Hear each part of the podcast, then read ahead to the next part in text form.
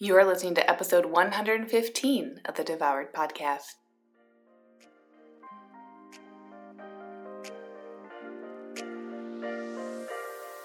Welcome to Devoured, the podcast for women ready to release the title of Dieter for Good. I'm your host, Lucia Hawley, and I'm a certified nutritional therapy practitioner with my master's in social work, clinical mental health.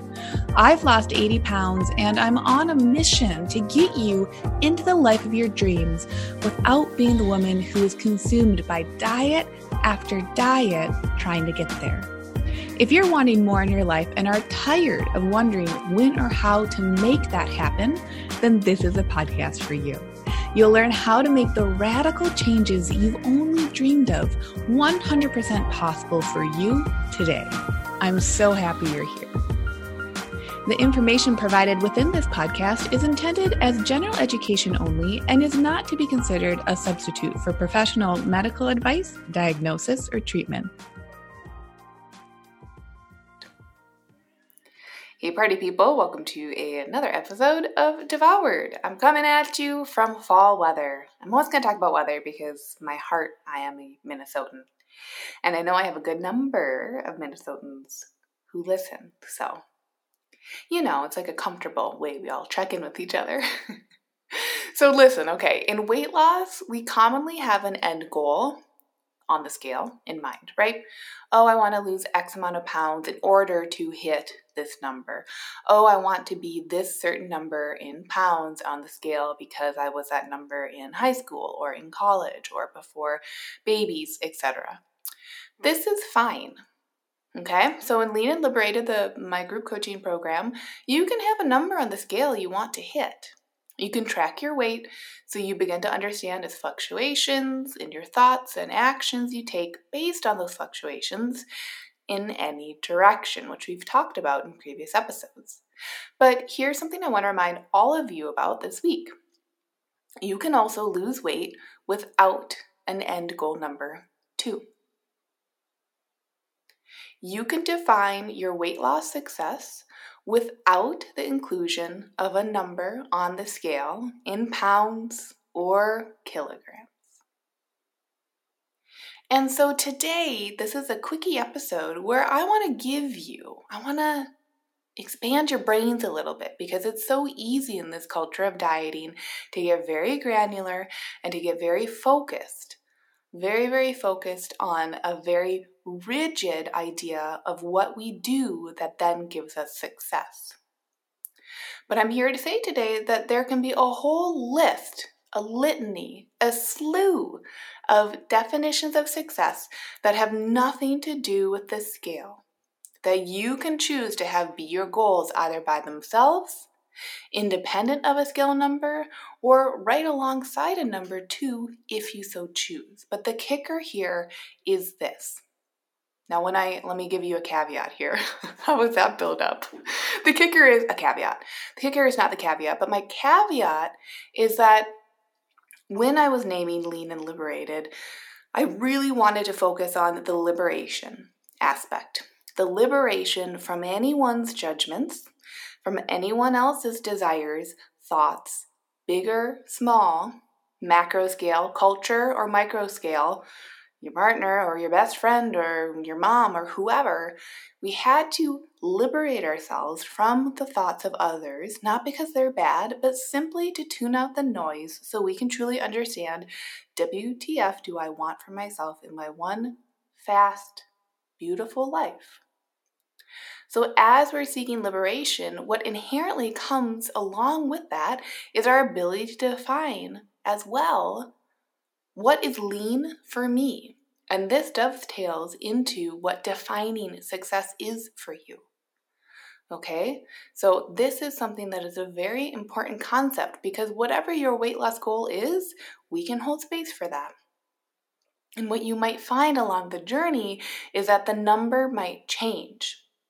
Or you might realize, I don't actually want a number, it's a feeling.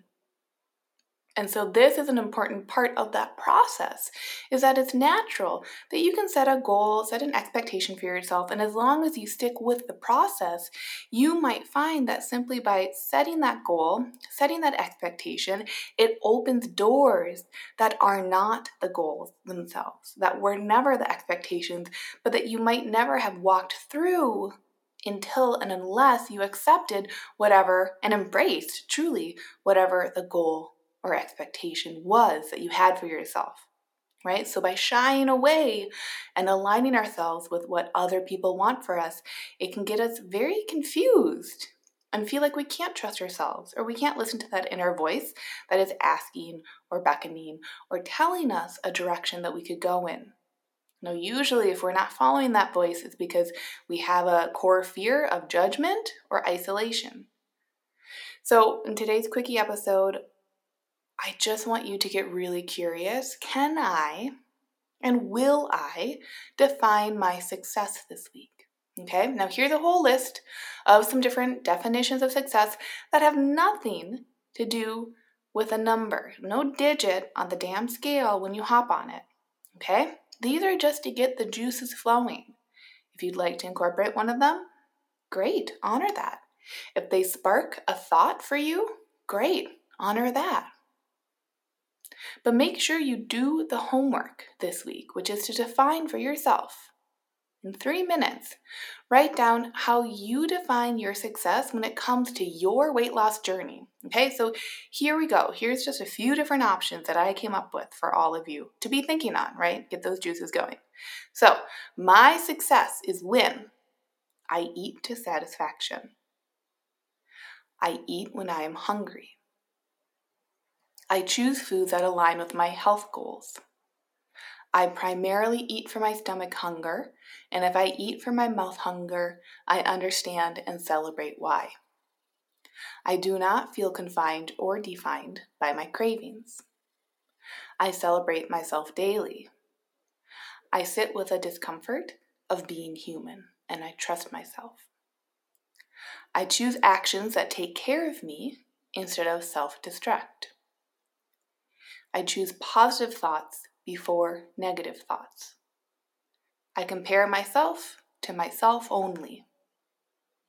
I stay in my own lane. I celebrate different benchmarks of my wellness, such as recognizing to drink water when I am thirsty or going on walks to manage my stress. I make myself proud.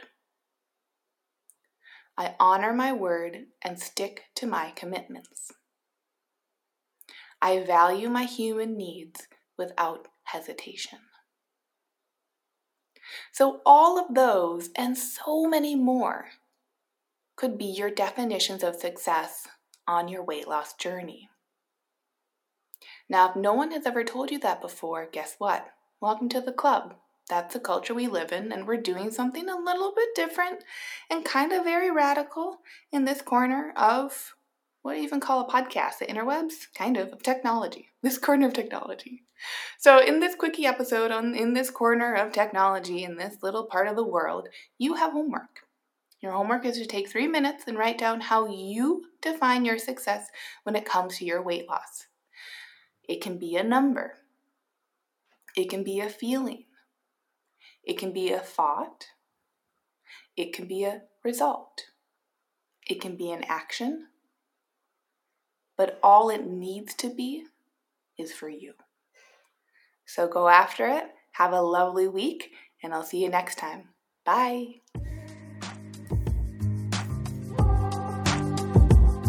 Okay, everyone, that's all for this week. Thank you for listening to this full podcast episode. If you want more of this information every day instead of just one podcast episode each week, consider coming over to Instagram to hang out with me. I'm Lucia Hawley underscore over there. That's L U C I A H A W L E Y underscore.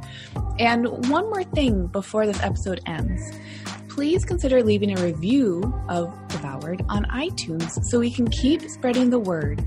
And together we can offer this free education, empowerment, and liberatory nutrition principles that will change more lives. If you're someone who likes to empower other people, then please consider sharing this podcast with friends and family and by leaving a review. It makes a world of difference.